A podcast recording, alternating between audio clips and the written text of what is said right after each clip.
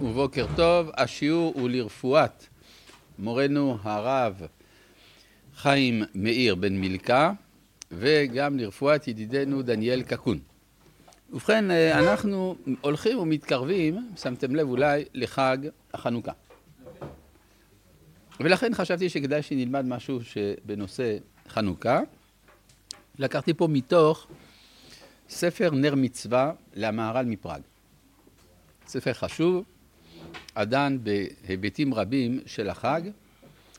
כמובן אפשר ללמוד את כולו, זה ספר ארוך. אבל כאן ב... יש לו כמה דיונים על ההלכות. ההלכות של חנוכה מהבחינה הרוחנית. תנו רבנן, מביא כאן לדברי הגמרא במסכת שבת. נר חנוכה מצווה להניחה על פתח ביתו מבחוץ. אם הידר בעלייה, מניחה בחלון, הסמוך לרשות הרבים, ובשעת הסכנה מניחה על שולחנו ודיו. אמר רבה, זה דברים מלא ידועים, כן? זה, ב... טוב, זה תלוי באיזה מהדורה. במהדורה הקלאסית, מהדורת לונדון, זה בעמוד כ"א. אבל יש מספר מהדורות של נר מצווה, של המהר"ל. זה לקראת הסוף של הספר. אז דברים אלה ידועים, זה מניחה על פתח ביתו מבחוץ, ושעת הסכנה על שולחנו. אמר רבה צריך נר אחר להשתמש לאורה, ואי היכה מדורה לא צריך. ואם אדם חשוב, הוא אף על גב דהיכה מדורה צריך נר אחר. תנו רבנן, מצוות, אה, מצוות חנוכה, נר איש וביתו, והמהדרין נר לכל אחד ואחד, והמהדרין והמהדרין, בית שמאי אומרים יום ראשון מדליק שמונה, מכאן ואילך פוחת והולך, ובית הלל אומרים יום ראשון מדליק אחת, מכאן ואילך מוסיף והולך. אמר אולה, פליגי בת ראה אמוראי, אמוראי במערבה, יש מחלוקת בין האמוראים בארץ ישראל, רבי יהודה, בר, רבי יוסי ברבין ורבי יוסי בר זבידה, אחד אמר, טעמה דבית שמאי כנגד ימים הנכנסים, וטעמה דבית הלל כנגד ימים היוצאין, ואחד אמר, טעמה דבית שמאי כנגד פרי החג, וטעמה דבית הלל דמעלין בקודש ואין מורידין. אמר רבא בר בר חנא, אמר רבי יוחנן, שני זקנים היו בציידן. ציידן זה בית ציידה, זה בצפון הכנרת. אחד עשה כבית שמאי, אחד עשה כדברי בית הלל, זה נותן טעם לדבריו כנגד פרי החג, וזה נותן טעם לדבריו שמעלים בקודש ואין מורידין עד כאן. טוב, זה עד כאן, בעצם אין פה שום חידוש של המהר"ל, הוא רק ציטט את הגמרא הידועה. עכשיו באות השאלות. ואם תאמר, זה הקושייה שעומד המהר"ל להקשות, היא הקושייה המפורסמת בשם קושיית הבית יוסף. האמת היא, לא הבית יוסף היה הראשון ששאל אותה פעם ראשונה, גם המאירי שואל את השאלה. ואם תאמר, כיוון שיעבוד להדליק יום אחד, אם כן, אין נס, רק שבעה ימים. כלומר, יום הראשון זה לא נס, יש מספיק כדי להדליק. מה קורה עם שבעת, אז רק שבעת הימים אחר כך יש לך נס. שאלה מפורסמת, אני חושב שניתנו על השאלה הזאת 160 תשובות. 160, כן, כלומר, השאלה האחת של הבית יוסף הולידה 160 תשובות. מצאו, נס, נסו, מצאו שמן, היה בו להדליק יום אחד, ודלק שמונה ימים, אז כמה ימי נס יש? לא, שבעה. הרי ביום הראשון יש לך מספיק שמן.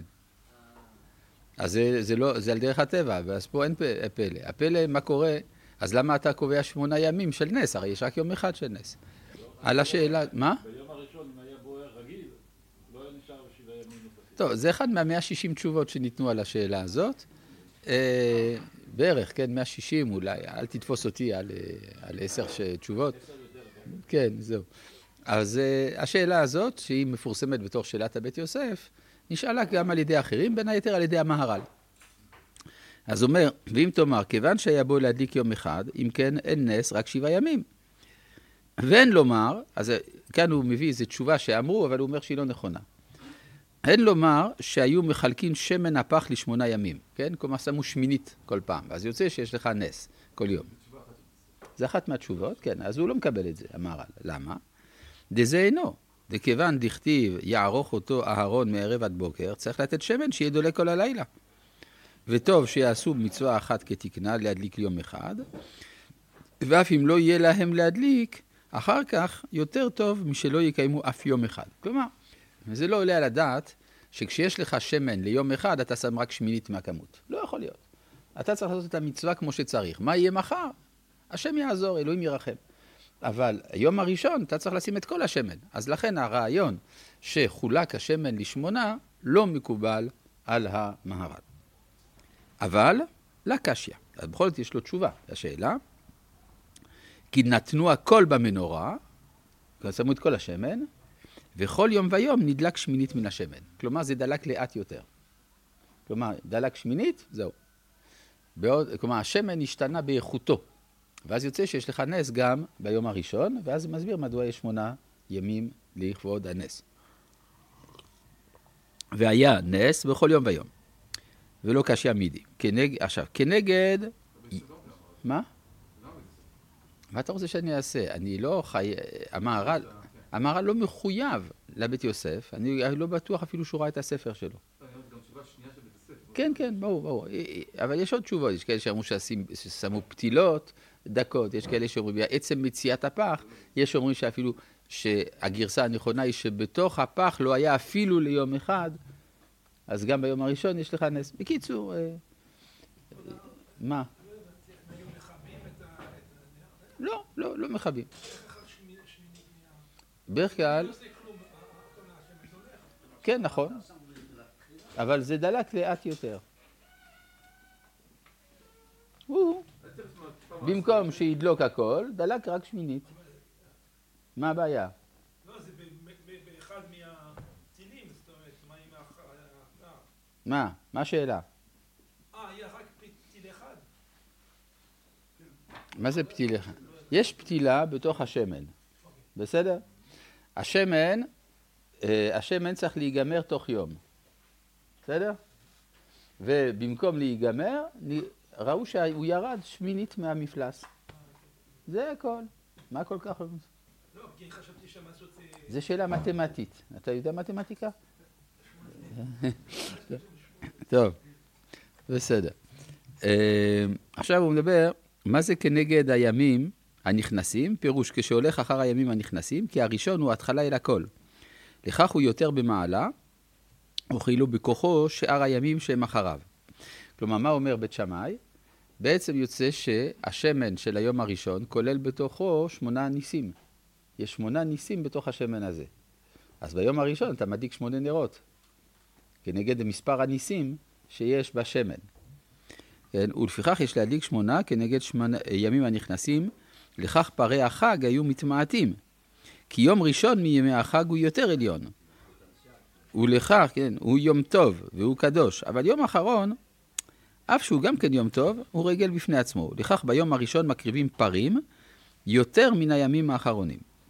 ולמאן דאמר כנגד ימים היוצאים, כי מתחילים בקטן ומסיים בגדול, שמעלים בקודש ואין מורידין, כי הקדושה היא מעלה עליונה, ואין מגיעה אל המדרגה הזאת העליונה בתחילה, רק כי עולה אליה מדרגה אחר מדרגה עד האחרון, מצד כי האדם מתעלה באחרונה אל קדושה יותר. ולפיכך האדם אשר הוא מקבל הנס תחילה הוא מעט, והוא יותר מתעלה ויותר מוסיף ביום האחרון מן הראשון. אז בעצם החילוק לפי ההסבר הראשון, זה האם אנחנו מסתכלים על הנס, או אנחנו מסתכלים על האדם. האדם מתעלה מכוח המפגש עם הנס. אז הוא מתעלה מעט ביום הראשון, מתעלה יותר ביום השמיני.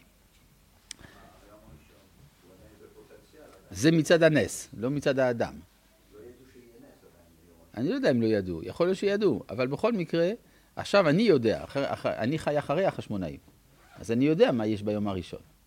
אני, במציאות ודאי שהיא השתלשל, אני רואה, אני יודע את ההיסטוריה. אני, אני מדבר על עכשיו אני, אני, לא, לא החשמונאים.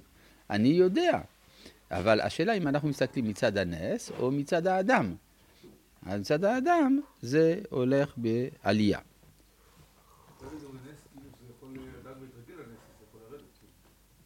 כן, טוב, ההנחה היא שאדם אה, פוגש ניסים, הוא מתעלה. ואמרו, מהי חנוכה? אז כאן הוא מביא את המשך דברי הגמרא, הברייתא שלקוחה ממגילת תענית, דתנו רבנן בקפה בכסלו, יומי דחנוכת מניה אינון דלת דמספד בהון דלת ענאה בהון. שכשנכנסו יוונים להיכל, טימאו כל השמנים שבהיכל, וכשגברה מלכות בית חשמונאי וניצחום, בדקו ולא מצאו אלא פח אחד של שמן שהיה מונח בחותמו של כהן גדול, ולא היה בו אלא להדליק יום אחד. נעשה בו נס והדליקו ממנו שמונה ימים. לשנה אחרת, קבעום ועשאום ימים טובים בהלל ובהודאה. עכשיו, השאלה, עד כאן דברי הגמרא. עכשיו המהר"ל שואל על זה שאלה, שאלה נוספת. לא שאלת הבית יוסף הפעם, שאלה אחרת. ואם תאמר, וכי בשביל שנעשה להם נס בהדלקה, שלא תהיה בטלה הדלקה, היו קובעים חנוכה? כי מה שחייב להודות ולהלל, זה כאשר נעשה לו נס, בשביל הצלתו, ולא בשביל שנעשה לו נס לעשות מצווה. כי אין המצווה הנאה אל האדם. טוב, יש פה שאלה מדהימה. הוא אומר, בעצם מה היה נס? אדם היה בסכנה, ניצל. זה נס, על זה הוא צריך להודות. אבל פה הסכנה, לא, לא הייתה שום סכנה, לא יכלו לקיים מצווה. אז זה שהתאפשר לי לקיים מצווה, זה לא נס שלי, זה נס של הקדוש. הקדוש ברוך הוא יעשה חנוכה. ש, שהוא, שיש לו עכשיו מנורה דולקת במקדש, אבל לי לא קרה כלום. זה מה ששואל המהר"ל, אתה עושה נס, על מה? על זה שיכולת לקיים מצווה? זה, זה לא נקרא נס שלך. הבנתם את השאלה? שאלה נפלאה, אני חושב. כן.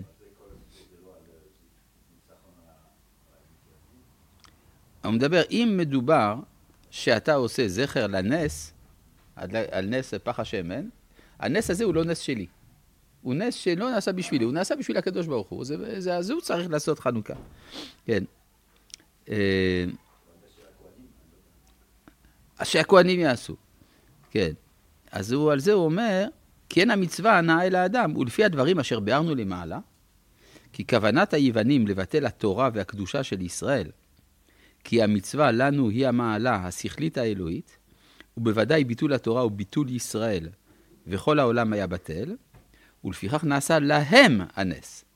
כלומר, זה, הרי זה לא שבאופן מקרי יש איזו מצווה שאני מעוכב מלקיים אותה, ואז יסתדר שאני יכול לקיים אותה, אלא זו הייתה כוונה כללית של היוונים לבטל שם ישראל מן העולם בכלל. ולכן, ולפיכך נעשה להם הנס במצוות הדלקה, שהיא מצווה אחת מן המצוות התורה, שבו היוונים לבטל התורה ומצוותיה מן ישראל. ומצווה זאת, גם כן היא בבית מקדש, אשר כל כוונת היוונים הייתה לבטל התורה השכלית והקדושה מישראל, ועיקר הקדושה הוא בית המקדש. ולפיכך, קבעו הדלקת נרות, זכר לנס שנעשה להם במצוות ההדלקה. כלומר, זה, זה חריג, כן? כיוון שזה היה מכוון כנגד כל הכוונה של היוונים, ולכן זה נחשב לנו לנס. ועוד יש לומר, התשובה השנייה, שעיקר מה שקבעו ימי החנוכה בשביל שהיו מנצחים את היוונים, כמו שציינת. כן, כלומר, ברור שעיקר החג זה לא בגלל הנס שנעשה בפח, אלא בגלל החזרה של המלכות לישראל. רק שלא היה נראה שהיה כאן ניצחון הזה על ידי נס, שעשה זה השם יתברך, ולא היה זה מכוחם וגבורתם, ולפיכך נעשה הנס על ידי נרות המנורה, שידעו הכל, שידעו שהכל היה בנס מן השם יתברך. זאת אומרת, היה מקום לאנשים חסרי אמונה לומר, מה, ניצחון של, ה... של החשמונאים זה סך הכל ניצח... ניצחון צבאי. זה כוח מול כוח. אז זה נכון שמעטים מול רבים. בסדר, הייתה אסטרטגיה חכמה, ולכן ניצחו. זה לא הקדוש ברוך הוא. אז לכן הקדוש ברוך הוא היה צריך לעשות קריצת עין, להודיע לאותם חסרי אמונה שהניצחון של היוונים זה רצון השם. מה? על היוונים, כן. אה, זה רק רציתי לראות אם אתה מקשיב, זה הכול. כן. עכשיו, כן. העניין, ברוך השם בימינו, אגב, זכינו, שהגענו לעצמאות מדינית בלי שינוי בטבע. זה סימן שהקדוש ברוך הוא יודע שהיום אנחנו מאמינים. כלומר, אנחנו לא צריכים איזה נס על-טבעי כדי לדעת שהקמת המדינה הייתה ביד השם. כן? אנחנו יותר טובים מאשר בתקופה של החשמונאים. כן.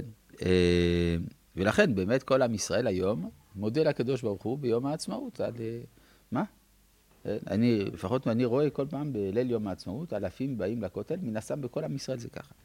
עכשיו, וכך המלחמה שהיו מנצחים ישראל היה מן השם יתברך, ודווקא נס זה נעשה, אז למה, אז אם כבר, הקדוש ברוך הוא, אם העיקר זה הניצחון, והקדוש ברוך הוא רוצה לתת איזשהו סימן, אז למה הוא בחר דווקא בשמן של המנורה כדי להגיד את זה?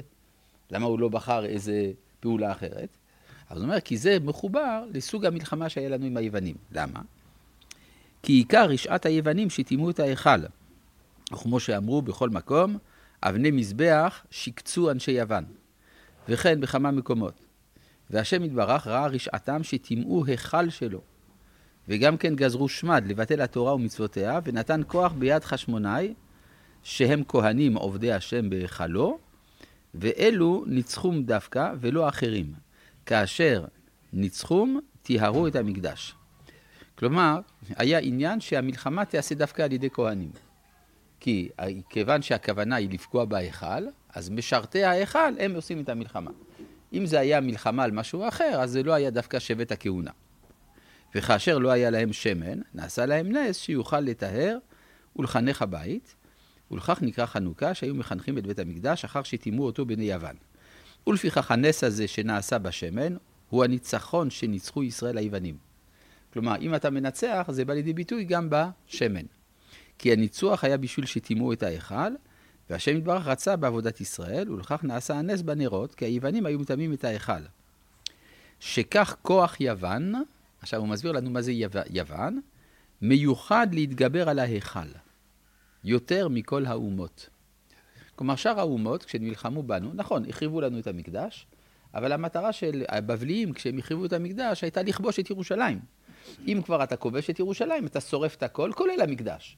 אבל המטרה הבבלית איננה אנטי-מקדשית במהותה, היא אימפריאליסטית, הם רוצים לכבוש ארצות, רוצים להעניש את המלך מלך יהודה שמורד. מה שאין כן אצל היוונים, המכוון היה לא לכבוש, כי הרי הארץ כבר הייתה שלהם, אלא הם רצו לפגוע במקדש דווקא. מה? הפילוסופיה, כן, ודאי. הפילוסופיה, אפשר לומר, נגיד ככה, עבור היוונים יש מה שנקרא תרבות, אה, תרבות על, היא התרבות היוונית, והיא זו שעל פיה אתה שופט את הערך של כל התרבויות. ואז יוצא שתורת ישראל אינה אלא מקרה פרטי של הפילוסופיה הכללית. לכן הם קראו למשה המחוקק של העברים. לא, הוא, הוא לא נביא, הוא מחוקק. כמו שסולון וליקורגס היו המחוקקים של אתונה וספרטה, אז משה הוא המחוקק של העברים. זה, זה, זה, זה, זה הכוונה שזה הפגיעה בהיכל. כן? וסימן לדבר, עכשיו הוא נותן דגמטריות. היכל עולה במספרו 65, ויוון מספרו 66. אז יותר, הם יותר חזקים מההיכל. להורות כי יש למלכות יוון כוח גובר על ההיכל. ובזה מטמאים את ההיכל, כי מצד ההיכל בלבד גובר עליו כוח יוון. ולכך כשגברו על ההיכל, טימאו את כל השמנים שבהיכל. ודווקא השמנים, כי השמן הוא מיוחד לקדושה, כן, הרי מה זה שמן? זה מה שצף על גבי המים. אז זה, זה מיוחד לקדושה, זה עליון יותר. הוא ראיה לזה שבשמן מקדשים ומושכים הכל, והוא עיקר הקדושה. ואף בזה שלטו יוון וטימאו את כל השמנים, ולא נשאר רק פח אחד קטן, שהיה מונח בחותם של כהן גדול. עכשיו, מה יש לכהן הגדול? כהן גדול הוא יותר מההיכל. למה? כהן גדול נכנס לפנים מן ההיכל, לקודש הקודשים. כן? כי כהן גדול יש לו קדושה על קדושה. כי כהן גדול נכנס לפני ולפנים, קודש הקודשים. וזה קדושה על קדושה, ומצד זה אין ליוונים כוח על ההיכל. כלומר, היו צריכים, כדי לזכות לנס, מדרגה שהיא יותר מן ההיכל במובן הרגיל. ההיכל זה הסרת השכינה באומה. הרי בתוך המקדש יש מנורה בהיכל, והמנורה, שם יש נס קבוע שנר מערבי לא כבה, להורות ששכינה שורה בישראל. נכון? זה ההיכל. מה זה קודש הקודשים? זה שורש המציאות. שורש כל המציאות, ולזה לא כל אחד יכול להיכנס. כהן גדול נכנס לשם, ושם יש כוח עליון יותר, חבוי. ולכן צריך שהכוח של הנס יבוא מן המדרגה החבויה. מה?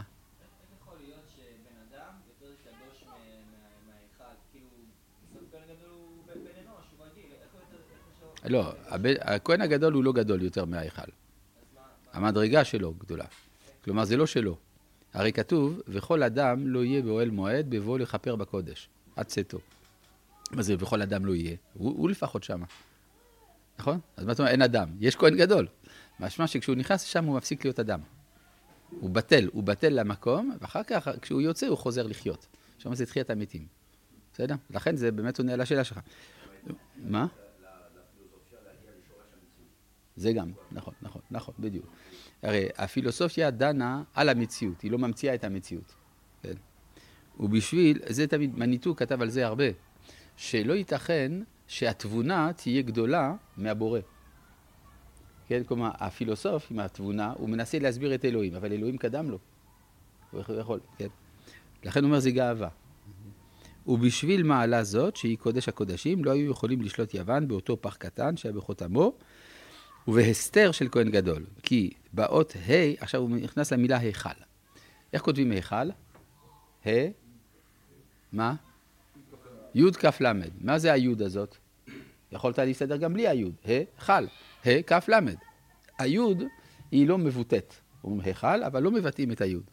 אז יש משהו נסתר בתוך ההיכל, שזה הי'. הוא אומר, כי באות הה של היכל, יש בה הצרה, שיש בה הצרה, יש יוד נחה, והיא יוד נעלמת שנשמע בקריאת הצרה, והוא מורה על מעלה עליונה נסתרת שיש בהיכל, והיא מעלת קודש הקודשים.